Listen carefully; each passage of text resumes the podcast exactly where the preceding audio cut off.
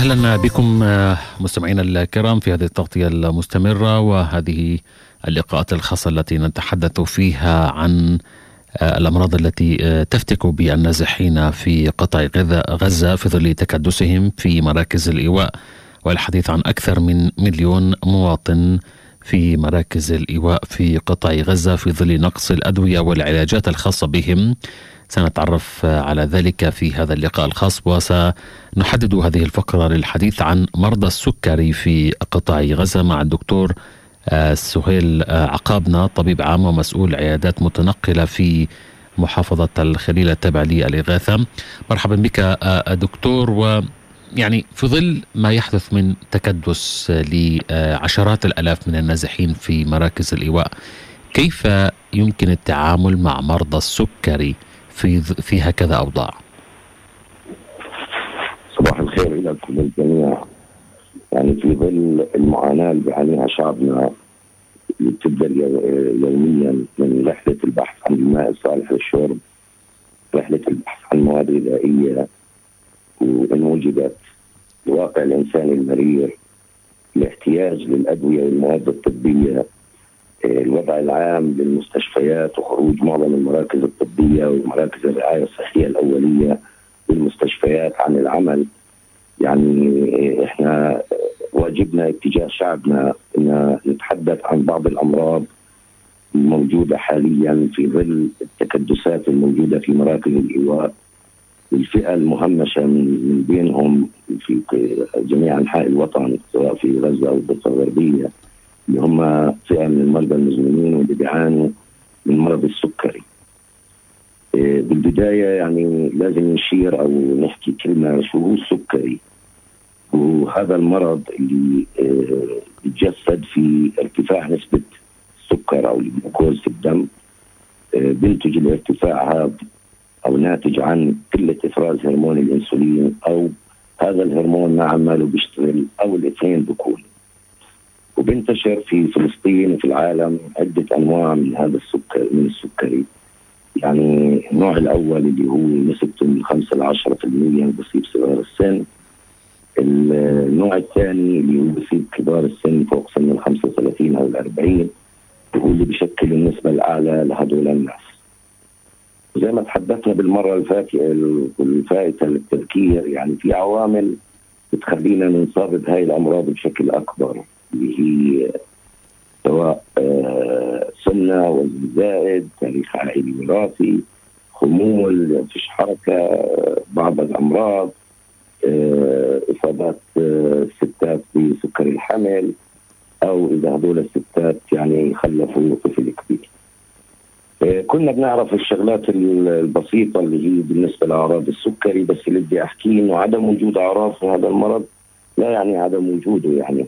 إذا ما كان عندنا عطش أو جوع أو جفاف فم أو كثرة تبول أو ما صار عندنا نقصان في الوزن نقصان غير مبرر يعني بالوزن مش معناه إنه معناش سكري وللأسف إحنا بنحكي عن إرشادات وتعليمات يمكن صعب تطبيقها في قطاعنا الحبيب نتيجة الظروف الحالية لأن تغيير نمط الحياة والتغذية هي أول زاوية وأهم زاوية في إدارة وعلاج مرضى السكري في جميع مراحل المرض منذ البداية وحتى النهاية نعم. طب يعني دكتور تفضل. تفضل. يعني الحرب اللي بتتعرض لها قطاع غزة ظهرت عندنا أمراض جديدة الوقت الحالي اللي هي الأمراض السارية المعديه لسه والخطر اللي بيهدد مراكز النزوح في هاي في الناس اللي في مراكز النزوح هي الأمراض الساريه المعدية بالإضافة لهذول الناس اللي هم بيعانوا من مرضى السكري ولسه ما بنعرف قديش النتائج راح تكون عن الصدمات النفسية وبسبب التغذية أو سوء التغذية اللي بيتعرضوا لها لظهور هاي الأمراض اللي هي الأمراض المزمنة. نعم. طب. لأن زي ما حكيت قبل شوي التغذية ونمط الحياة هو أساس، يعني أنا بدي أحكي عن غزة عن تغذية بدي أحكي عن متوازنة متنوعة معتدلة يعني بصراحة بخجل أحكي عن هذا الموضوع في توفير بعض الغذاء في هاي الظروف لهذول الناس. وبالتالي دكتور يعني شو خطورة عدم تناول ذوي الأمراض المزمنة للأدوية الخاصة فيهم خاصة مرضى السكري وحتى لو مجرد يوم واحد فقط سواء كانوا من متناولي الأقراص أو الأنسولين؟ يعني إحنا بنحكي عن زي ما تفضلت نوعين من الناس اللي بياخذوا الأدوية سواء الأنسولين أو الحبوب. آه، يعني ارتفاع نسبة السكر في الدم هو راح يؤدي إلى مضاعفات عديدة يعني. وإحنا لما بنحكي عن السكري بنحكي عن المضاعفات اللي ممكن يسببها هذا المرض في ظل عدم السيطرة عليه أو عدم أخذ الأدوية. أو أو عدم التغذية السليمة والمتوازنة له. فهو راح يؤدي إلى مضاعفات السكري ابتداء من القدم السكرية وإحنا بنشوف الظروف اللي بيعيشوها هذول الناس في ظل الحرب في ظل القصف المتواصل على شعبنا في غزة الإصابات اللي ممكن تصير في القدم والجروح الملتهبة اللي ممكن يعني تؤدي لبتر في في الأطراف أو لحتى ل جروح صعب صعب علاجها.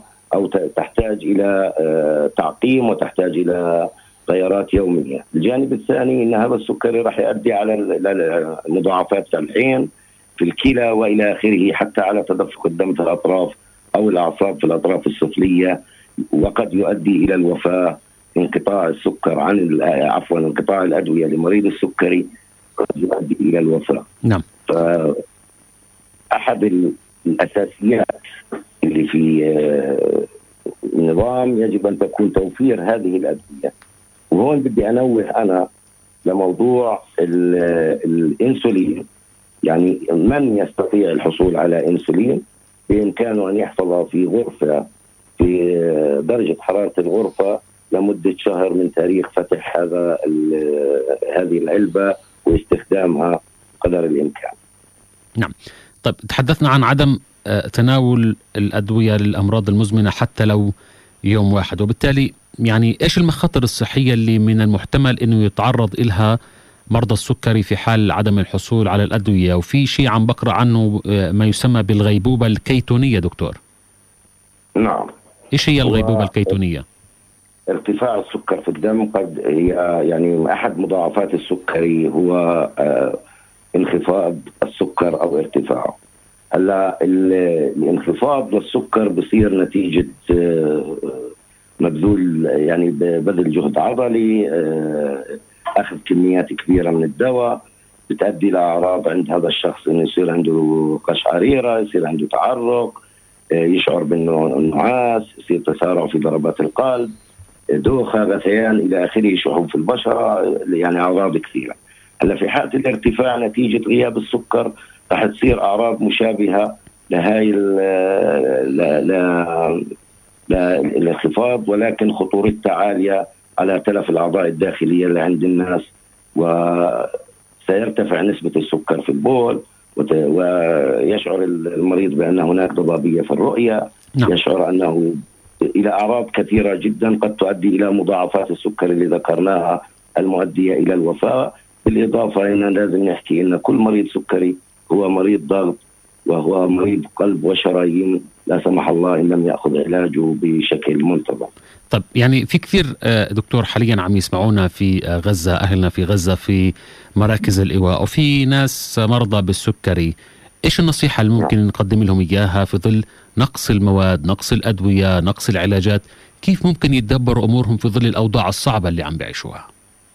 نعم أنا بداية بحب أحكي أن إحنا كإغاثة طبية لدينا 25 فرقة طبية مصغرة تعمل داخل مراكز الإيواء إيه ولدينا رقم مجاني هو على من خلال إذاعتكم آه، اللي هو 1800 900 700 للتواصل معنا في أي وقت للحصول على نصيحة طبية سواء لأهلنا في غزة أو في الضفة الغربية بالإضافة لأهلنا غزة لعملية تشبيك وربط هدول الناس أو الطلب من فرقنا للوصول لهم لأن هاي الفرق هي بتكون بخدمات رعاية صحية داخل المراكز سواء من علاج الحالات الحادة إلى آه، متابعة المرضى المزمنين وتحديدا مرضى السكري من يحتاجون إلى بعض الأدوية المتوفرة لدى الإغاثة الطبية، من يحتاجون إلى عمل غيارات على جروحهم أو على جروح من آه، من يسكن معهم للتواصل وتسهيل هذا العمل